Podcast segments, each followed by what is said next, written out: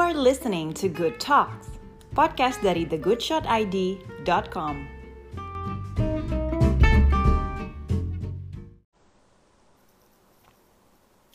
Hai semuanya, wow suaraku mendadak sedikit hilang.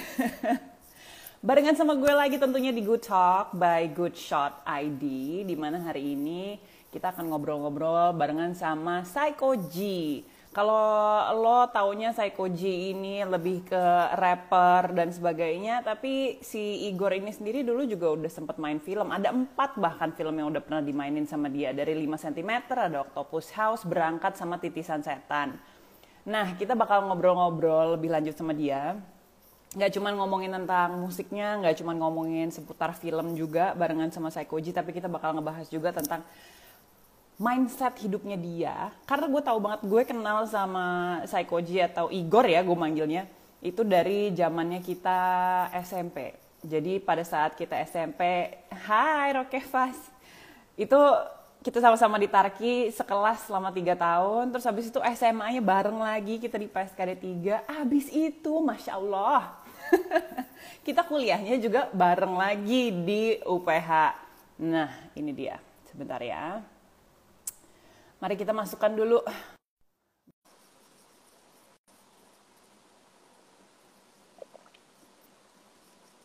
Hmm? Waza. Itu dia, Waza. God, how are you? I'm good.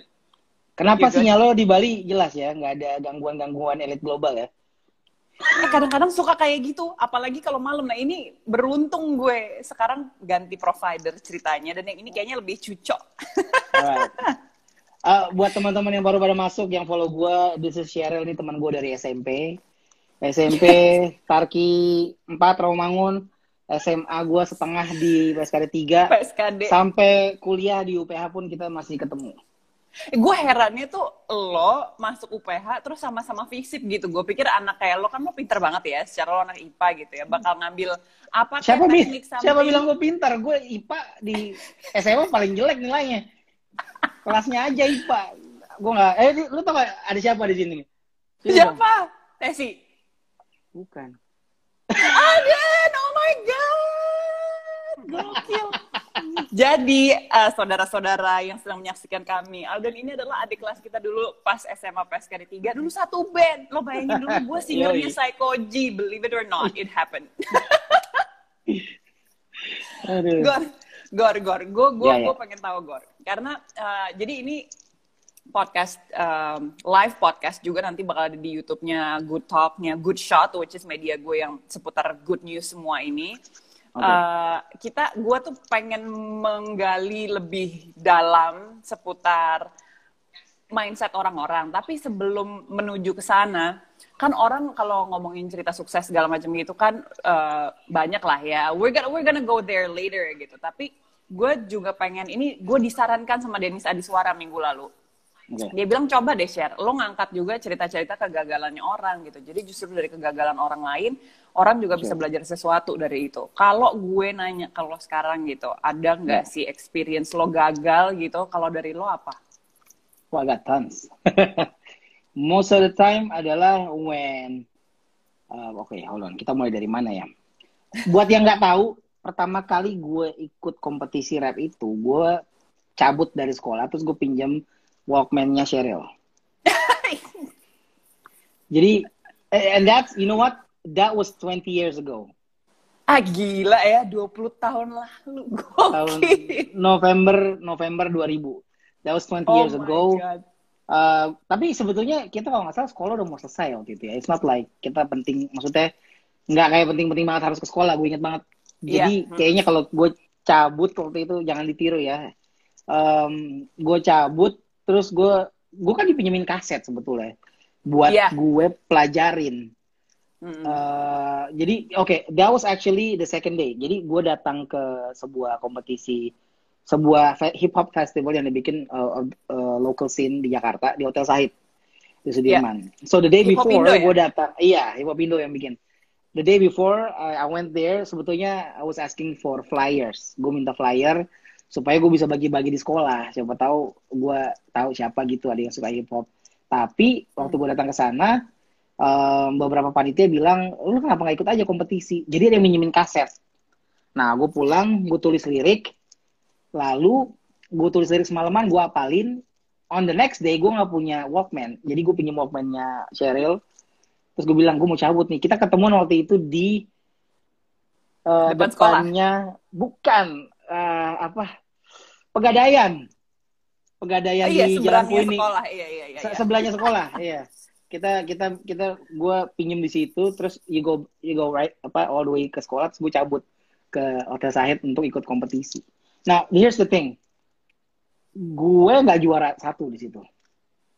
Gue nggak juara satu di situ. Tapi bisa dibilang I, kalau orang mau bilang did I fail ya I fail to be number one. Karena itu juga pertama kali gue ikut kompetisi kan? Hmm. gue cuma sampai semifinal. Kalau buat orang-orang yang udah ik- sering ikut kompetisi mungkin it, it looks like failure. Tapi Hmm. karena gue datang tanpa beban I just wanna try it. I'm not focused on like should I win or not. That failure actually gives me a perspective untuk lihat yang menang tuh kayak gimana. Right. So Hmm. sometimes yang kita sangka itu failure is just another it's just another opportunity to build more so you can be better next time. Amazing. Gue enggak enggak, tapi gue beneran inget that day. Gue nggak nggak inget uh, bulannya aja ya, tapi iya. It's November. tahun 2000. Gokil karena kompetisinya bulan itu ya waktu itu ya. Yep. Eh, apa namanya? Tapi kita tukeran pada akhirnya pada saat kuliah gitu, uh, good friends. Gantian gue yang gue dari dulu pengen jadi penyiar radio kan ceritanya. Terus Oh, gue iya. bilang sama lo, gue bilang kayak, eh gue pengen masukin ini ke MTV uh, On Sky waktu itu namanya Trax FM sekarang gitu kan. Eh, gimana caranya? Dan waktu itu lo baru mulai-mulai pakai Fruity Loop segala macam. Ya udah lo kita pura-pura interview each other aja gitu kan. We, we, we did that di komputernya Tesi waktu itu di di komputernya sekarang istri gua Tesi jadi dia datang ke. Komputernya ke tempatnya istri gua uh, kos-kosan dan kita recording demonya Yap. dia untuk jadi uh, penyiar. apa namanya announcer radio. So And like guess goes what? full circle and lah. Full circle dan waktu itu gue ceritanya nge-interview lo di MTV Jams acaranya and guess what not even a year after that hal itu benar-benar kejadian gue benar-benar nge-host MTV Jam dan gue benar interview lo di saat itu tapi udah beneran gitu itu Yoi. life is just amazing you know And, and and 20 years after that you have your own project and again here you are interviewing me again. yes kita ayo dong dijadiin projectnya kita lagu-laguan lagi Gor Definitely. Ya, gampang tinggal kirim-kiriman file aja.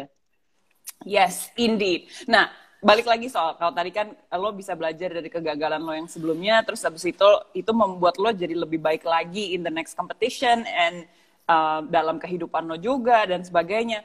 Tapi kalau misalnya uh, gue tanya kenapa kenapa hip hop? Karena gue tahu lo di awalnya pun juga bukan dari hip hop gitu. Lo dari No. dengerin Slipknot, Oh dari God. dengerin you know uh, You like you like the only you like one of the few person that actually knows musik gue gimana waktu SMP. Exactly, gue tahu lo suka yang kayak gitu-gitu, terus No, tiba-tiba it was- ke hip You remember what you remember what it was? It was Green Day. Oh iya Green Day, bener-bener SMP Green Day, Green Day Oasis gitu-gitu, terus ke Slipknot dan Korn. Tiba-tiba lo lompat ke hip hop, and you can write lyrics. Nobody ever even knew that you can write lyrics like that gitu. Kayak lo nemuin itu tuh gimana? Nemuin itu adalah ternyata ini passion lo gitu. Took some time though. Took some time. Jadi um, sebetulnya gue udah mulai mulai dengerin hip hop itu dari waktu kita SMP. Eh, Hmm. gila man, that's like way back. Wa- 23 waktu itu- years. Jadi gini, basically gue dengerin hip hop itu udah tahu dari SD, but I did not like it at all because it was in English Hmm. and I did not understand English. Mm-mm. And for me, lagu-lagu hip hop saat itu sounds like something is like these people are angry about something. yeah. Apa aggressive, the music is loud and the video I cannot understand like why are these people pointing at the screen. Jadi yeah, being gua- angry. jadi karena Inggris. Jadi eh gue memutuskan, oke, kayaknya hip hop bukan gue. Waktu kita SMP, aduh Hmm. gue lupa namanya siapa. Dua, dua C kalau nggak salah dua C. Gila. Bu. Eni.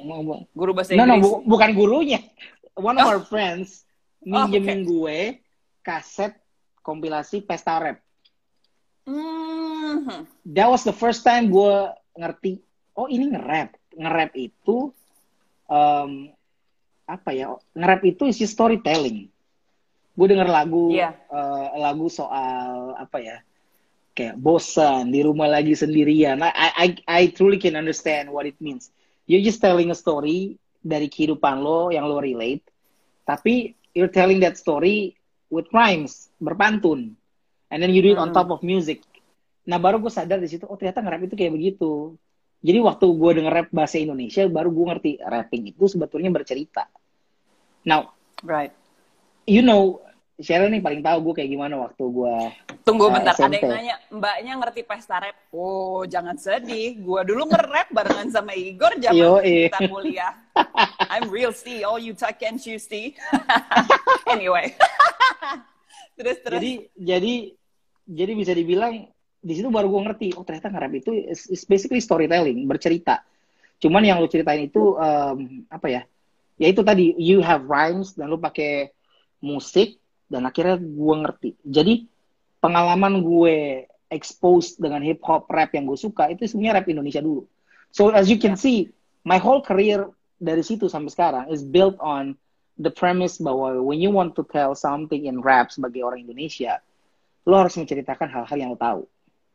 I cannot, Dan yang I orang cannot, bisa relate ya. ya orang bisa relate. I cannot, I cannot uh, copy cuma sekedar copy paste apa yang ada di Amerika, because uh, you know uh, values-nya atau kehidupannya, you know, I don't live that life.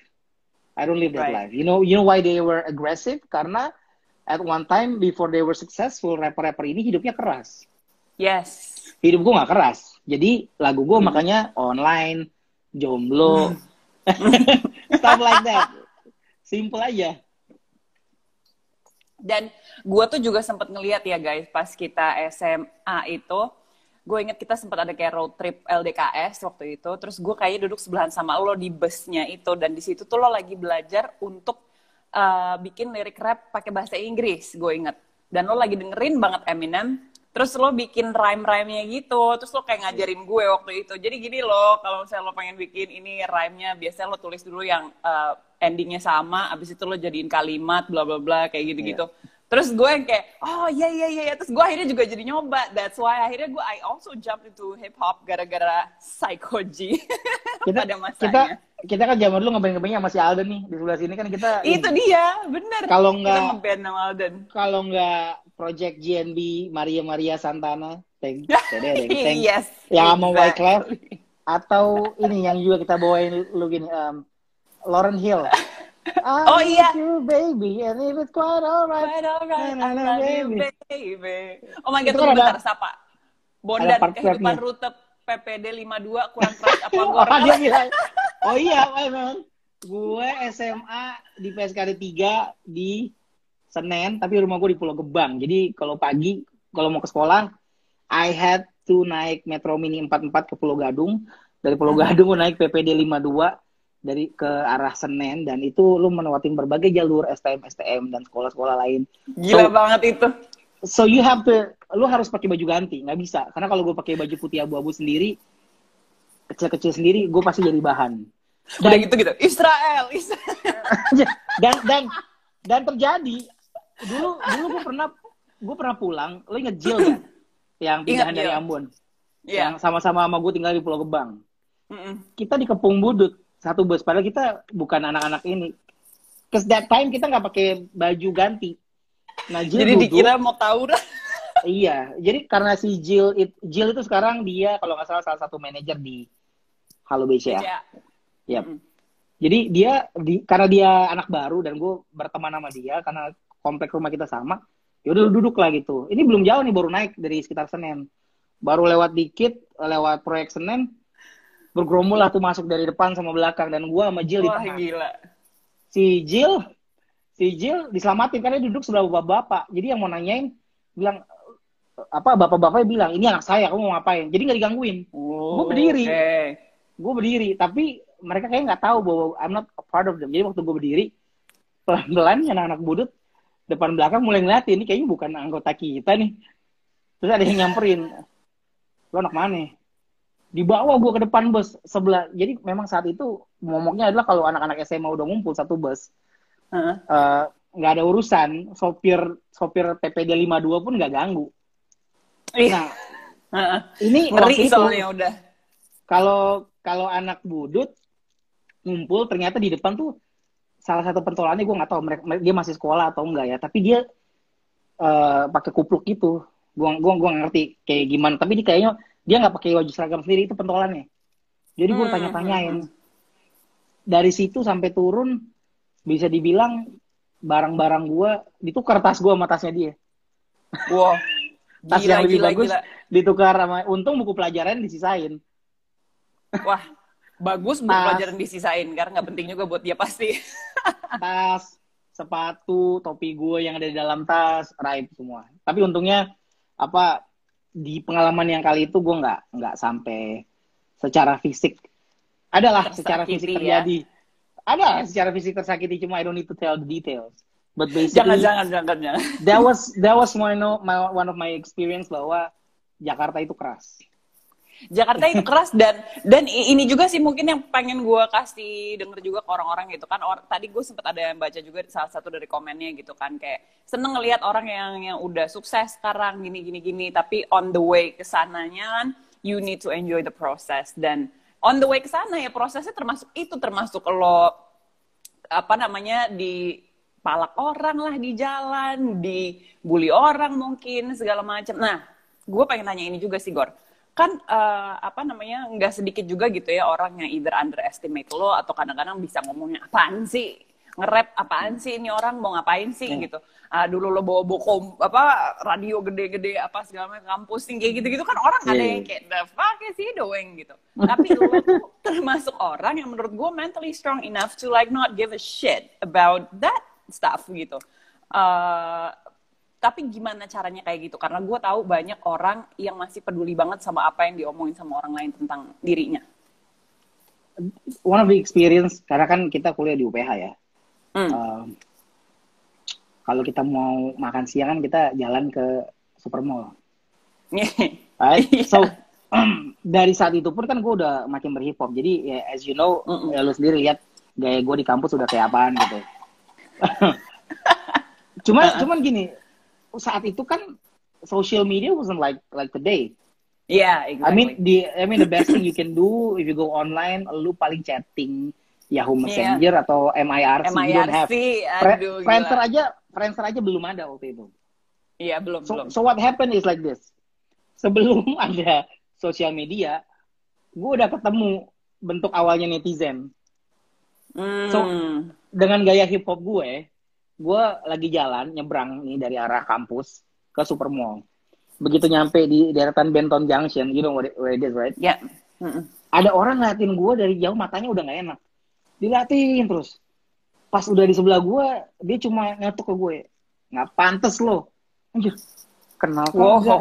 dibilang jadi somehow dia ngelihat gaya hip hop gue nggak pantas Hmm. saat itu yang gue sadar adalah gini bener juga ya I mean like I have to be honest with myself kenapa gue Hmm. harus gaya langsung full kayak begitu saat itu siapa gue gitu karena that was even before gue bikin CD CD album sendiri Hmm. Hmm. jadi jadi pertanyaannya adalah gini waktu gue diomongin kayak gitu gimana caranya biar pantas Hmm.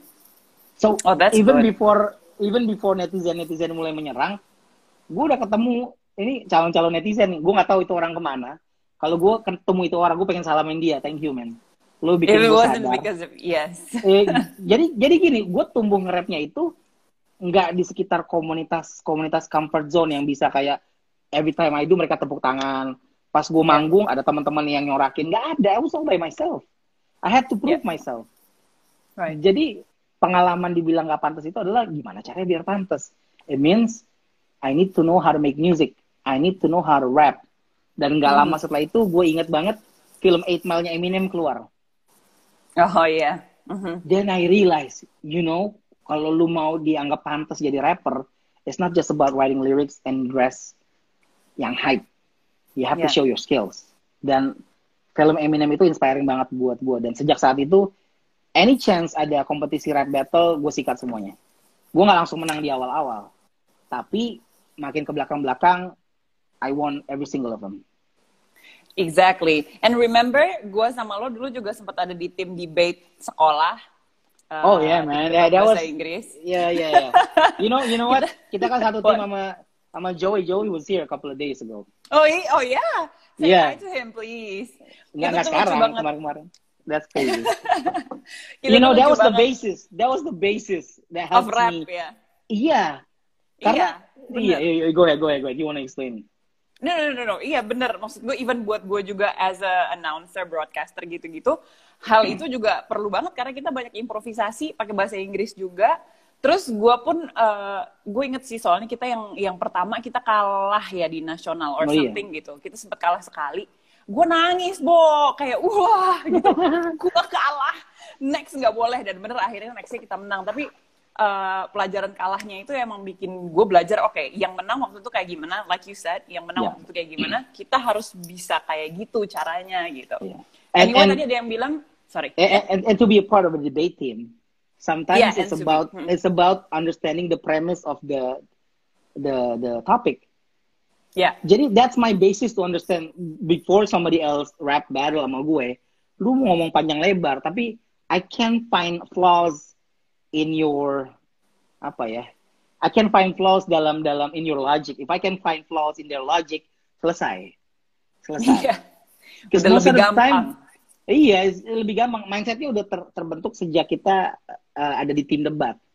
Kita udah biasa, Betul. you have to think fast, you have to work as a team. Dia ngomong apa, kita catat. Jadi every single thing, Iya. kalau premisnya aja dia udah salah, we don't even have to bikin namanya dulu rebuttal.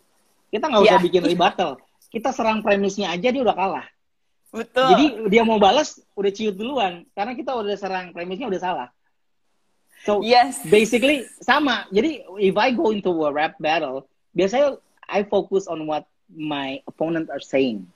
Mhm. Dia mau ngomong soal misalnya gini, ada yang rap battle sama gue bilang bahwa lo nggak real, lo rapper apa-apa cuma ngomongin soal lo nggak punya skill. Biasanya yang kayak gitu-gitu ngomongin itu it didn't really come out out of their experience of writing lyrics. Dan gue pelajari, kadangkala stylenya dia, apa yang dia bilang di awal sama apa yang dia bilang di awal di akhir nggak sesuai. I don't Yeah. even need to say anything else. I just need to brought that up. Dia biasanya udah nggak bisa balas. Woo, yes. Tadi ada sempat yang bilang di sini katanya ini harus direkam terus dirilis di podcast. Oh pasti, memang gue akan selalu merilis ini semua di podcastnya Good Shot Indonesia, akan ada di websitenya Good Shot juga, akan ada di sini juga di Instagram eh, IGTV ya, berarti masuknya di gue juga akan ada. Nanti linknya akan gue share ke Igor kalau ada yang mau re-listening to this thing. Nah, itulah yang gue gue suka dan gue sendiri pun akhirnya belajar banyak dari lo ya. Not to give a shit about what people say. Dan malahan justru lo ambil itu uh, sebagai fuel gitu untuk oke orang ngomong kayak gini tentang gue berarti gimana supaya mereka jangan ngomong kayak begini lagi gitu ya? Kan gimana caranya supaya I I can be a better person instead of lo ngambil itu sebagai serangan? Terus habis itu lo langsung ah udah orang bilang gue nggak bisa gue nggak bisa deh berarti dada langsung yang drop kayak gitu gitu kan. Nah eh, satu lagi gue pengen nanya antara lo eh, bermusik sama lo film gue tahu musik Oke. is your ultimate apa passion gitu ya but what about movies gimana kalau lo Hmm. tentang itu You know, I had the opportunity to be in a couple of movies. Ada beberapa yang, you know, movies always need to to have this archetype characters. Jadi there's the hero, there's the damsel in distress, there's. Nah, gue biasanya suka disangka tuh kayak I'm a funny guy, I'm actually a serious guy. Gue nggak bisa you ngelawak. are very serious. Asli asli. Gue gue nggak bisa ngelawak. Jadi um, in most movies kalau misalnya gue diajak main biasanya gue jadi kayak you know the the, the comic uh, apa ya the comic guy gitu jadi yang mau lucu dibikin ya lucu-lucu. But there's one movie yang gue memang awalnya karakternya jadi karakter yang lucu. Tapi somehow di situ gue dapat kesempatan to explore the other side dari orang yang yang kayak gue and that movie was uh, 5 cm I love That that, was- movie. that was one of the best experience karena just like my character, gue nggak selesai kuliah. I did not finish my my college education. Jadi tapi tapi uh-huh. ya yeah, gue No, no, no, no, no. Kalau lo masih ada, lanjut. um, jadi dari situ, di film itu, sebetulnya gue baru sadar the complexity of making a good movie. Karena kita tidak syuting di Jakarta dan di set. We actually pergi naik gunung. And yeah. then I get to spend a lot of times dengan sutradara, dengan DOP kamera, dengan kru, dengan orang lighting, dengan orang art, dengan orang sound. Because we uh, gue akhirnya ngerti bahwa oh ternyata sekompleks itu bikin film. Jadi selama kita syuting di gunung tuh 5 cm, gue hidup sama mereka. Kita kayak punya desa kecil di di di bukit di gunung itu, and then like gue kenalan sama orang-orang film di situ, uh, crew. I'm not just talking about director yeah. and producer. No, I get crew. to meet the crew, and I get to understand how they work. So mm-hmm. dari situ gue mulai sadar bahwa kalau gue sebagai seorang rapper, I started wanted to rap karena gue mau storytelling. Uh-huh. The ultimate art of storytelling is in movies. Yes. Why? Because dari semua sisi art itu kepake. Kayak misalnya visual, you know, you lo lo melukis dengan cahaya, hmm. drama, you know, like like like hmm. like uh, um, acting. That's that's the drama part. And then um, lo lo writing juga that's also art it's like poetry yes dan nggak bisa lupa juga um, music without music film tuh kayak nggak nggak berasa jadi menurut gue film is the ultimate art expression di mana semua bidang art itu digabung jadi satu and it's challenging lo mau kan masih mau kan main film lagi tentunya ya kalau dapet karakter yang emang sesuai right. apa yang lo inginkan so so dari setelah 5 cm itu kan gue ada tawaran main film-film lain lagi. Hmm. And one, di satu kesempatan gue main film horor, ya, judulnya Molklander. Hmm. Hmm. So waktu udah selesai syuting, somehow the guy that was supposed to be in charge of the film scoring is unavailable. So the executive producer asked me, Gor, lo kan ngerjain musik, lo bisa scoring film nggak? I oh. had no idea oh. what to do. So I told the guy like, send me a scene, a short scene, and then I, just feel like challenging myself. Send me a short scene, satu scene, and then gue isi musik. Dan gue kirim balik lagi biar dia denger. Hmm. Oke, okay, dia kirim sepotong. Nah, gue kan sebetulnya main musik paling gejreng-gejreng gitar doang. I don't understand composing, apalagi yang classical gitu. Hmm. So what I did is I mix pakai pakai bukan pakai program buat composing musik, pakai program video editing, tapi gue tempel musik-musik dari film horror yang lain and I send it back to the guy and uh-huh. then he asked like budget lo berapa untuk scoring film ini? Now gue kan sendiri. Hmm. you know who I call? Alden. Yes.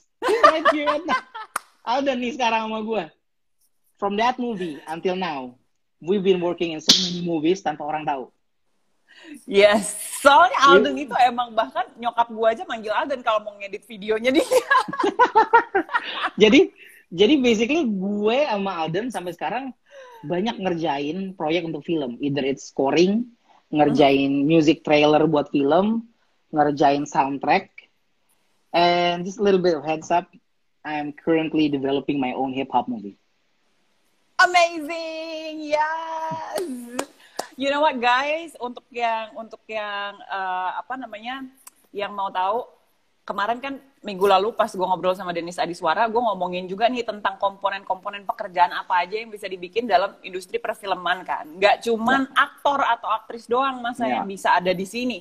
Ada director, ada asisten director, lighting, sound, sampai musik, sampai makeup artist dan sebagainya ada di sini. Dan termasuk salah satunya adalah scoring. So if you're a, a musician, lo juga bisa gitu ya me, me, me, apa namanya mendalami karir ini because uh, the, yeah. the opportunity is huge untuk bisa seperti itu True. ya kan? Nah oke okay, sekarang masuk sedikit ke uh, area hidup lo yang lain which is being a dad. Karena gue tahu banget lo dari again dari zaman kuliah pacaran cuma dua kali kalau gue nggak salah ya. Uh, you know the pertama, you know the first one before my wife. Iya. yeah. you know exactly the person. It wasn't even that long, cuma dua minggu pacaran. itu lucu banget dan itu teman seben gue dulu. Terus habis itu lo sama Tesi, Yeah. Gak lama setelah itu you, got, you guys got married and it was so young.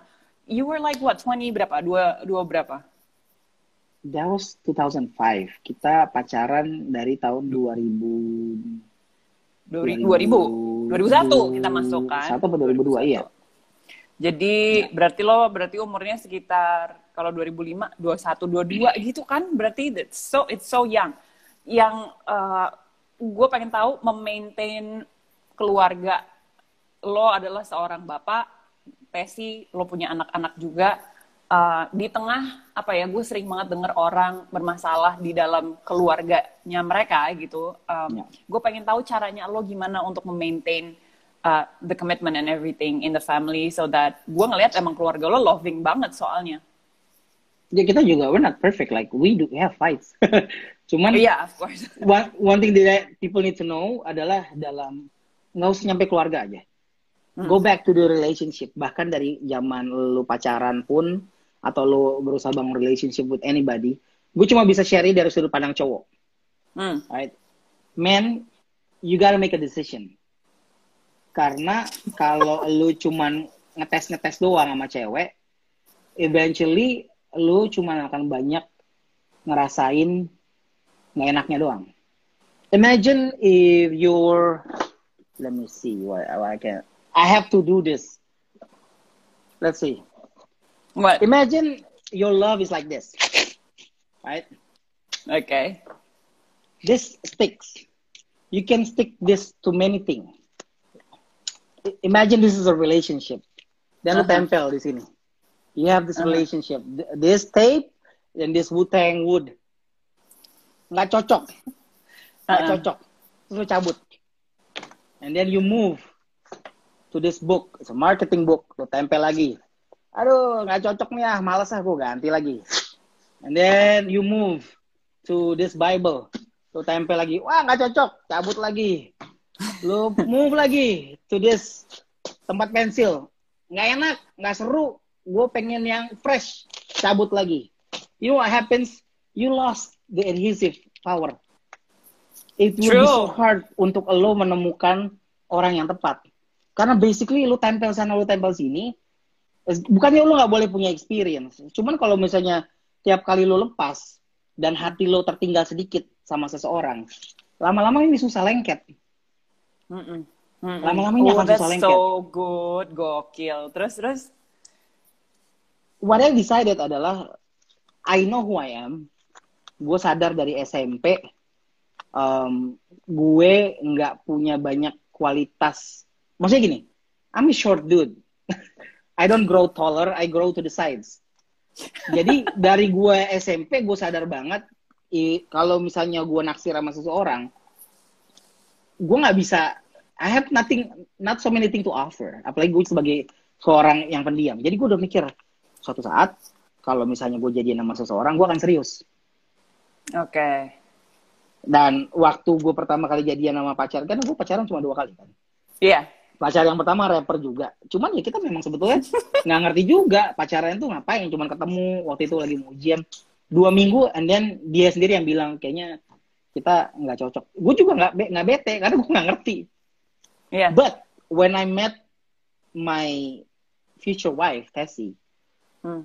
gue ngerasa bahwa like somehow I want to support her my whole life. I feel like you know no matter what happens, I want to decide untuk orang ini.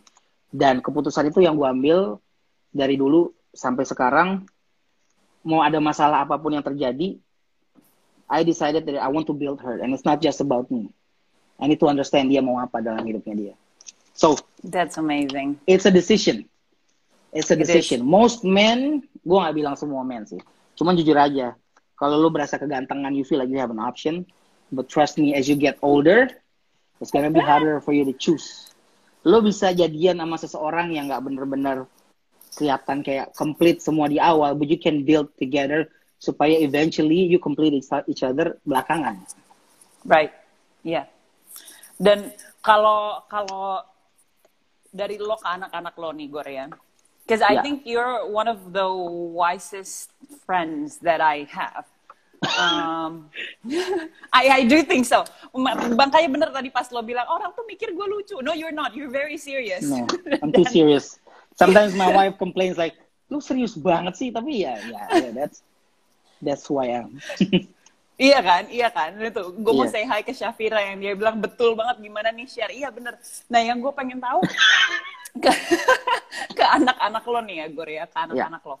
Apa, what's the first thing that you you tell them supaya itu nyangkut selalu di otaknya mereka to their subconscious and forever and ever gitu. Yang lo, lo bekalin ke mereka tuh how how to face this world. Apa yang lo kasih, jangan apa yang lo kasih ke mereka.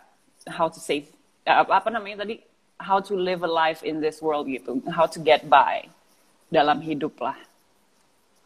Um, jujur, gue yakin, gue punya anak udah tiga nih. Cowok, Aaron 13 tahun, Aneska tahun ini 10 tahun, dan Ariana baru 2 tahun. I don't, I don't think I have satu satu formula khusus yang gue bilang bahwa ini akan gue bilang karena setiap anak tuh beda.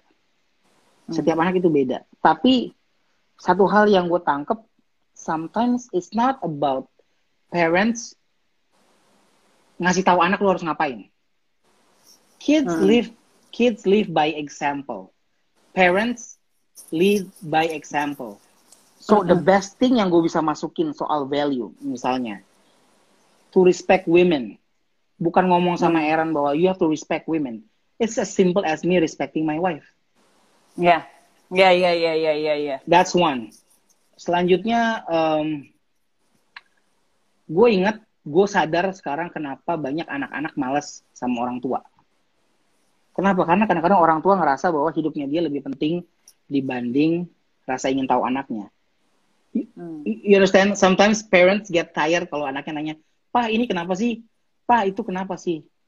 I realize dari awal waktu anak gue nanya-nanya, terutama yang paling gede si Aaron, Mm-mm. if I just have a little bit of energy di mana gue bisa coba sebisa mungkin jawab pertanyaannya dia nggak harus mendetail tapi I try my best not to treat him bahwa dia just seorang anak kecil yang nggak ngerti apa-apa sometimes sometimes orang tua itu udah langsung ngelimitin mindset anaknya Yes. bahwa lu anak-anak lu nggak tahu apa-apa Mm-mm.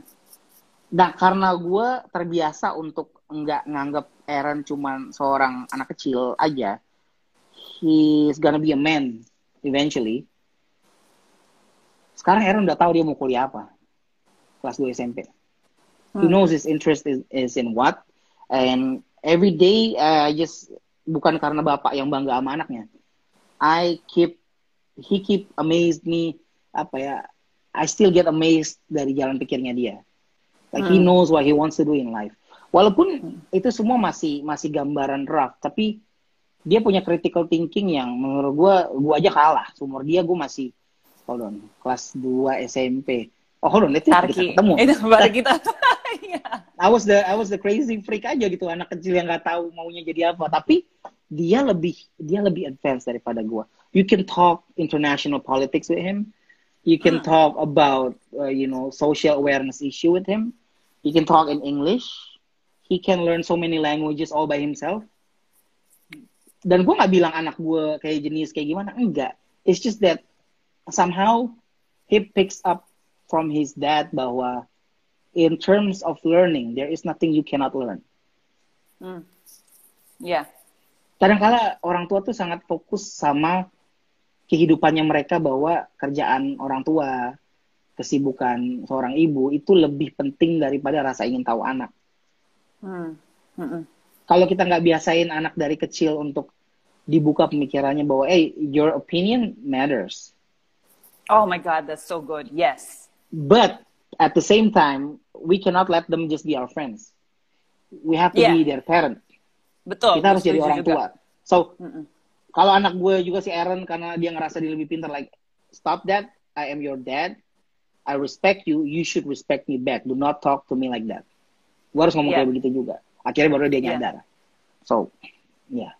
That's No, it. that's really really good. Gue juga soalnya beberapa kali ada lah yang ngelihat kasus-kasus di mana kayak ya te- teman-teman gue sendiri lah gitu. Misalnya yang kayak ke anaknya jadi kayak temen gitu tapi malahan jadi kayak boundariesnya malah jadi suka kelewat dan akhirnya malahan jadi kurang baik gitulah hasilnya gitu dan gue juga punya teman-teman yang mana mereka nempatin diri hey I can I can you know like be a friend with my kids but cara gue memposisikan diri adalah tetap sebagai gue orang tuanya gitu. And I think that's what you're doing gitu. Dan so far kan anak-anak lo emang aduh cerdas-cerdas banget gitu ya. And I'm so happy for you and Tessie having three beautiful kids. Congratulations dude. Makanya itu tadi gue bilang kayak I need to I want apa ya lo untuk nge-share itu juga supaya lebih banyak orang juga bisa uh, apa namanya mungkin mencoba untuk menerapkan kayak gitu gitu because your community is re is pretty big lo lo uh, apa followers lo tuh termasuk yang militan militan semua gitu kan nah how do you how do you build that community Gor awalnya apakah dulu dari yang uh, hip hop Indo terus lo uh, mulai uh, apa namanya dari komunitas-komunitas yang online dulu gitu apa gimana sih when you say community maksudnya gimana? Gue bingung. Karena you mean like like your, apa? Your, Orang yang, yang your followers fans, ya. Tapi yang yang fan base. lumayan okay. ini kan. Oke, okay, so basically gue dari dulu gak pernah bikin fan base. I hated the idea of that people need to rally behind my name. I yeah. really hate that idea. I don't maksudnya no offense buat orang-orang yang jadi public figure rally behind your name. yang yang iya oh, yang bikin fan iya, iya. base misalnya Saikoji bikin Saikoji Earth something like like yeah. buat gue why would you do that I just make music and if my music is meaningful for you use it but you don't have to rally behind my name you need yeah. to find your own story jadi untuk semua orang yang follow gue gue juga pun berkarya tuh nggak pernah nyuruh orang kayak hey subscribe follow back because it's not important yeah. I believe kalau misalnya I have something good in my music you can just follow me. If you don't want to, you can leave. Dan yeah. bahkan sama beberapa orang yang komentar dan bilang mereka, eh bang gue suka banget lagu lo. Thank you. Tapi gue biasa aja karena menurut gue you can do it too. Yeah.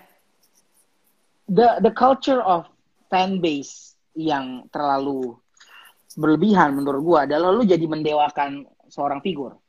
Hmm. I am just a man. I got so many flaws.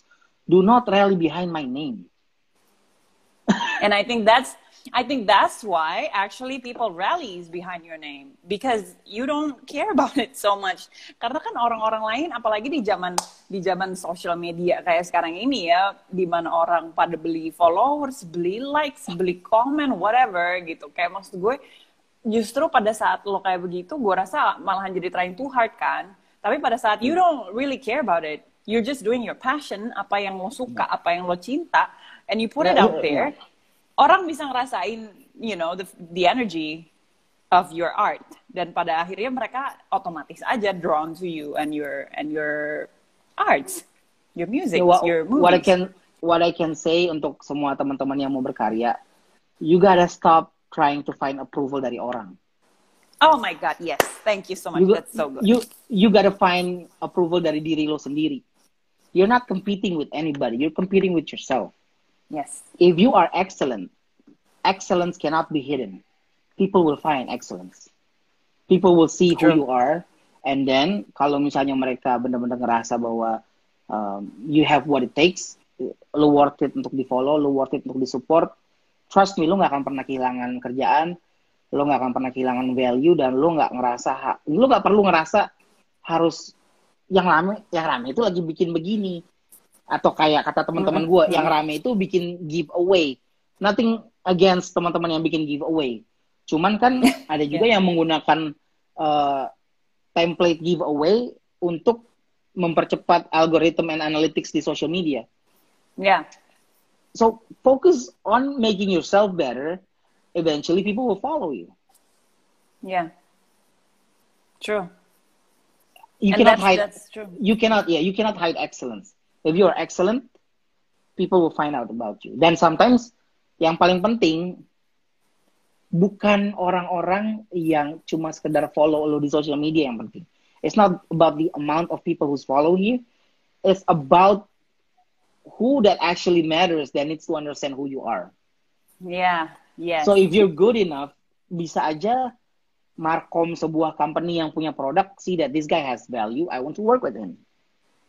Yeah. and that actually you know can give you more income dibanding cuma ngegedein followers di social media because if, if, Yes. if those are fake followers the algorithm is gonna be fake Ya dan You sekarang know? juga udah banyak banget app yang udah bisa tahu kok kalau misalnya orang beli followers, beli engagement apa segala macam. And Yeah. which which is why uh, itu tadi gue emang pengen pengen nanya itu ya soal don't seek approval dari orang lain gitu ya, tapi approvalnya dari diri sendiri. Karena uh, apa to be very honest with you, itu kayaknya permasalahan terbesar di pada umat manusia gitu ya pada saat Iya. lo mencari approval dari orang lain either itu dari orang lain dengan cara oh how many likes do I have atau lo seeking approval dari orang bilang apa tentang gue gitu kan. Itu semua kan seeking approval dari orang lain. Yang mana lo berarti belum percaya diri kalau you are actually good enough nggak perlu kayak begitu begitu gitu ke orang lain. Nah lo prosesnya gimana sampai lo menyadari bahwa you do not need approval dari orang lain tapi lo cuma perlu ngasih itu dari diri sendiri? Ya itu tadi yang bilang nggak pantas gue itu dari awal. Oh iya. I realize begitu dia jalan Heeh. gue kan nggak bisa ngejar dia gue nggak inget nih orang siapa Iya. gue nggak bisa nanya so I cannot ask for his approval I need to find how I I approve myself Oh my dan god. dan that is it's not about jadi so so the apa ya the process of me thinking like this it started way before before social media terjadi gitu Iya. everything yang ada di social media ini is designed for you to stick around. I mean like kita sekarang ada live di Instagram. Dengan segala kemudahannya kita bisa live kayak begini. It is designed supaya we stay there and keep looking at Instagram, which is okay. Tapi kalau misalnya lo fokusnya, you know, your dopamine, perasaan seneng lo itu ada waktu orang like, waktu orang komen doang, you're actually missing out in life because life happens di luar social media True. jadi dan dan dan gue kadang-kadang I have to use my time uh, gimana caranya gue gue berusaha untuk ngebalas semua orang. Apalagi Yeah. kalau yang cuma sekedar trolling trolling kalau trolling trolling yang nggak penting gue balas aja cepet karena biasanya mereka udah nggak bisa ngebalas tapi kalau yang gue lihat kayak ini orang sebenarnya penasaran soal sesuatu gue gue balas pelan pelan gue balas gue begitu ada waktu gue buka lagi oh dia balas ini gue balas balik tapi the point untuk gue ngebalas sebetulnya bukan buat ngejatuhin orang. I just want him to think about his own opinion. Iya. So Iya. hopefully gue udah berhasil mengubah some trolls menjadi real human being dan some of them stick around in my social media dan akhirnya jadi komentarnya lebih positif dari sebelumnya Jadi re- lebih respecting ke lo gitu ya. Iya, gue suka baca kok lo kalau misalnya uh, your clapbacks itu classy gitu karena sebenarnya lo menjelaskan sesuatu bukan bukan kayak ngatain orang or or anything atau ngejatohin orang atau apa. Which reminds me of lo sama Jering ada apa sih? Kok gue itu gue baca di sosmed juga, but I don't know like what's going on. Emang tadinya ada apaan sih? sebetulnya nggak ada apa-apa kan Kenapa orang-orang pada banyak yang nanya ke lo gitu? karena netizen rata-rata suka datang pada kesimpulan sendiri Oke, so to start with, ada apaan di di depannya sampai netizen ada kesimpulan kayak gitu gitu maksudnya? Cuman sampai di taraf begini. Kita janjian live untuk ngobrol. Oke, Mm-mm. terus nggak bisa nggak jadi karena dia bilang Instagramnya dia di blok sekitar dua minggu sampai bisa live. Oh, terus dia janjian oke. di tanggal tertentu kan? Heeh. gue tunggu tuh. Kagak muncul muncul dia. Tiba-tiba dia wa gue dia bilang "Eh, sorry gue salah. Ternyata hari ini hari apa? Dia jadi lupa hari. Oke. Dia akhirnya lupa hari ya udah gue tungguin aja maksudnya kan gue juga nggak dalam konteks ngejelekin dia people think that I had a problem with him Jadi Oh, gua padahal tungguin cuma aja. Gitu. Oke. Iya, nah begitu kita berhasil live pun, walaupun gambarnya patah-patah, but we actually come up with a conclusion. Dan orang biasanya nggak mau nggak suka ngeliat lagi di feednya, ada di feednya Jerings, ada di feednya gue juga kok. You can see Oke. hasil dari omongan kita berdua, Right, right. di mana we kita nggak benar-benar tulis sepakat sepaham, tapi we Hmm. understand each other, Which is fine. Kayak kita kan which is bisa hidup fine. uh, side by side, nggak harus selalu setuju. Nah, cuman masalahnya kalau lu ada di dalam dunia sosial media, Semua orang itu pengen, you know, absolute opinion. Kayak, Right. kalau begini, lu harus begini, biar lu kelihatannya rebel. Pokoknya lu solusi dari segala macam problem di COVID ini adalah lu harus memberontak. I don't need to Iya, iya, iya. rebel. I can survive. Ya. Apa ya? Gue I find out my way untuk untuk untuk menghadapi COVID ini gitu. Dan just to be honest, sebagai musisi, genre hip hop itu paling segmented dari dulu. Ya, banget. So so kalau misalnya ada yang bilang, wah lu nggak nggak fight, ngapain? Apa yang mau gue fight? Because I know how to survive tanpa complaining. Oh my god, I that's cannot- so good. I cannot I cannot help everybody. Gue ngerti rakyat-rakyat kecil juga kesusahan. Tapi trust me, I've seen so many rakyat kecil di neighborhood gue sendiri yang berusaha untuk survive. Asal Yes. lu nggak punya ego kegedean aja. Teman gue dancer nggak bisa ada job, akhirnya dia buka warung roti. Mm-mm. Ada yang Mm-mm. akhirnya jadi driver ojol. COVID is the time for you to assess your life. Apa yang penting, apa yang enggak. And you, kalau lo terlalu arrogant untuk menghadapi situasinya dan lo fokus dinyalain orang doang, gue tahu pemerintah nggak nggak nggak sempurna, gue tahu. Ya. Tapi daripada gue buang-buang energi gue cuma untuk nyalain pemerintah, I know their their disappointment. But my disappointment towards the government nggak perlu gue ekspresin all the time. Why? Because I have to go back thinking gimana caranya gue ngasih untuk keluarga gue. I have to find ways supaya teman-teman gue bisa manggung. Nah, Iya, di dan- tengah co- di tengah COVID ini justru I find ways bahwa I can I can make live streaming concert dibayar sama sponsor and I can do it all from my house. Ya. People need to adapt. Bukan ngeluh. Tapi Betul. I understand. It is hard kalau misalnya lo udah udah lama ngerasa comfort zone lo nyari duit begini and then COVID happens. My hearts go out untuk mereka yang kesusahan, yang kerjaannya jadi susah, guru-guru, tenaga medis. But I cannot change everything. What I can change is my own situation. Find ways. COVID helps me, helps us to filter ourselves. Gimana caranya menghadapi realita ini? You can come out dari sini sebagai orang yang ngeluh, or you can come out as a winner. It's your own choice. Oh, I love this talk. I'm so happy to hear that.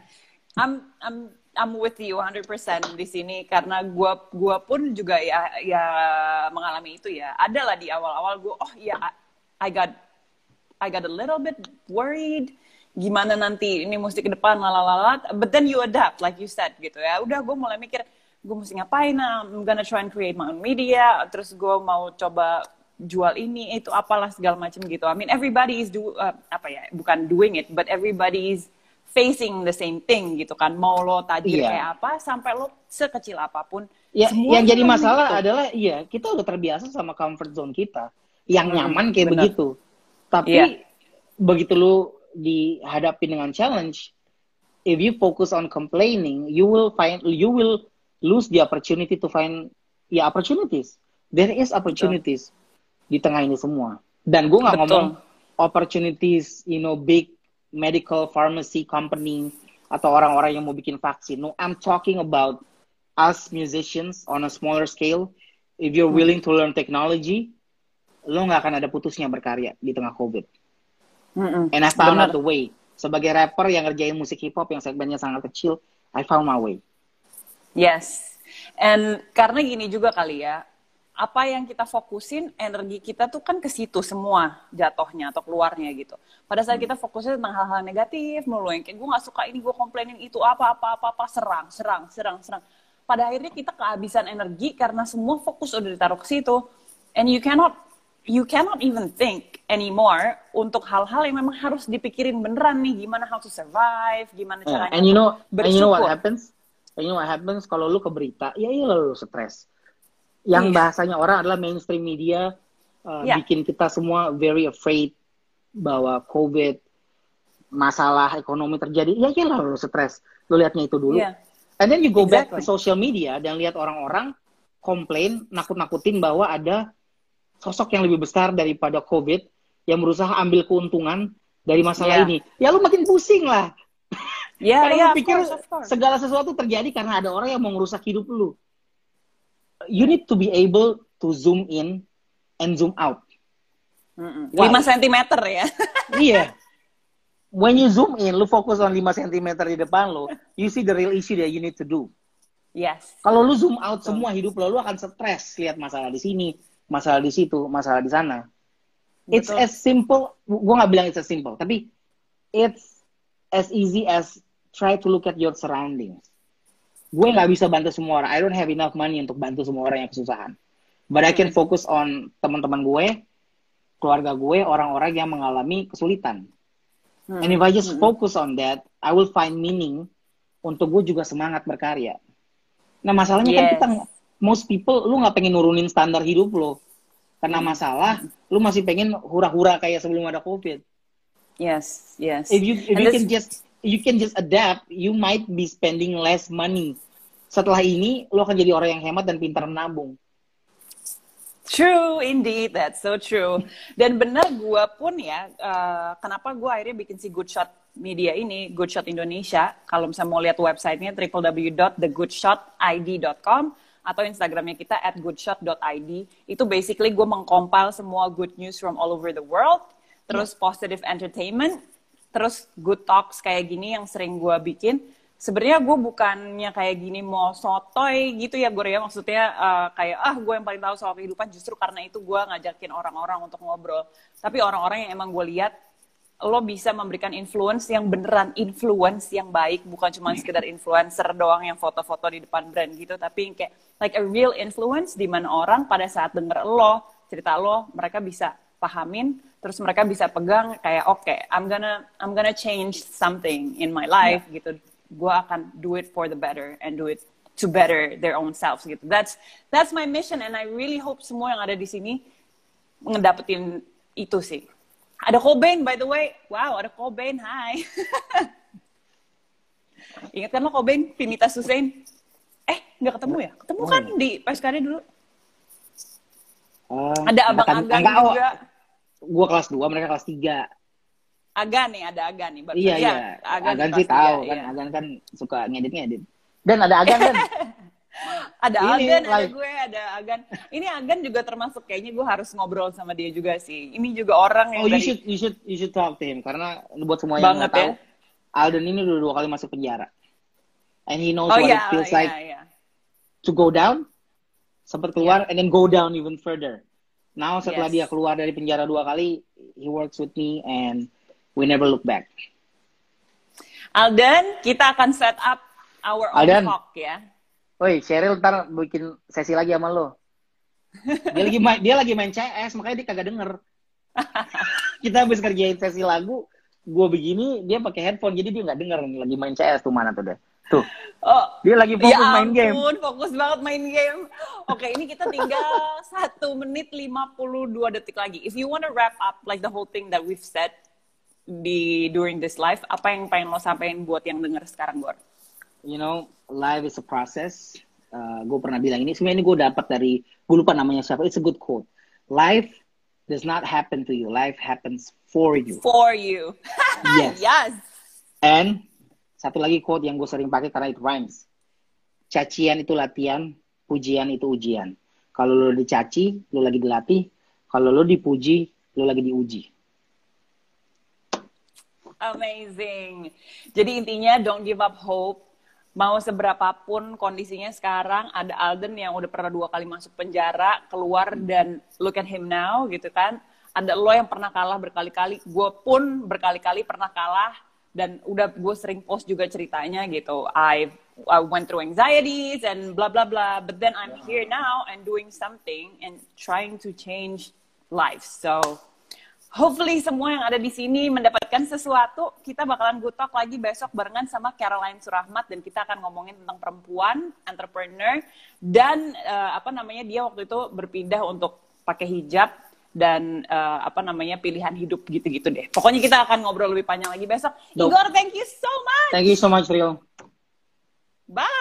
Bye.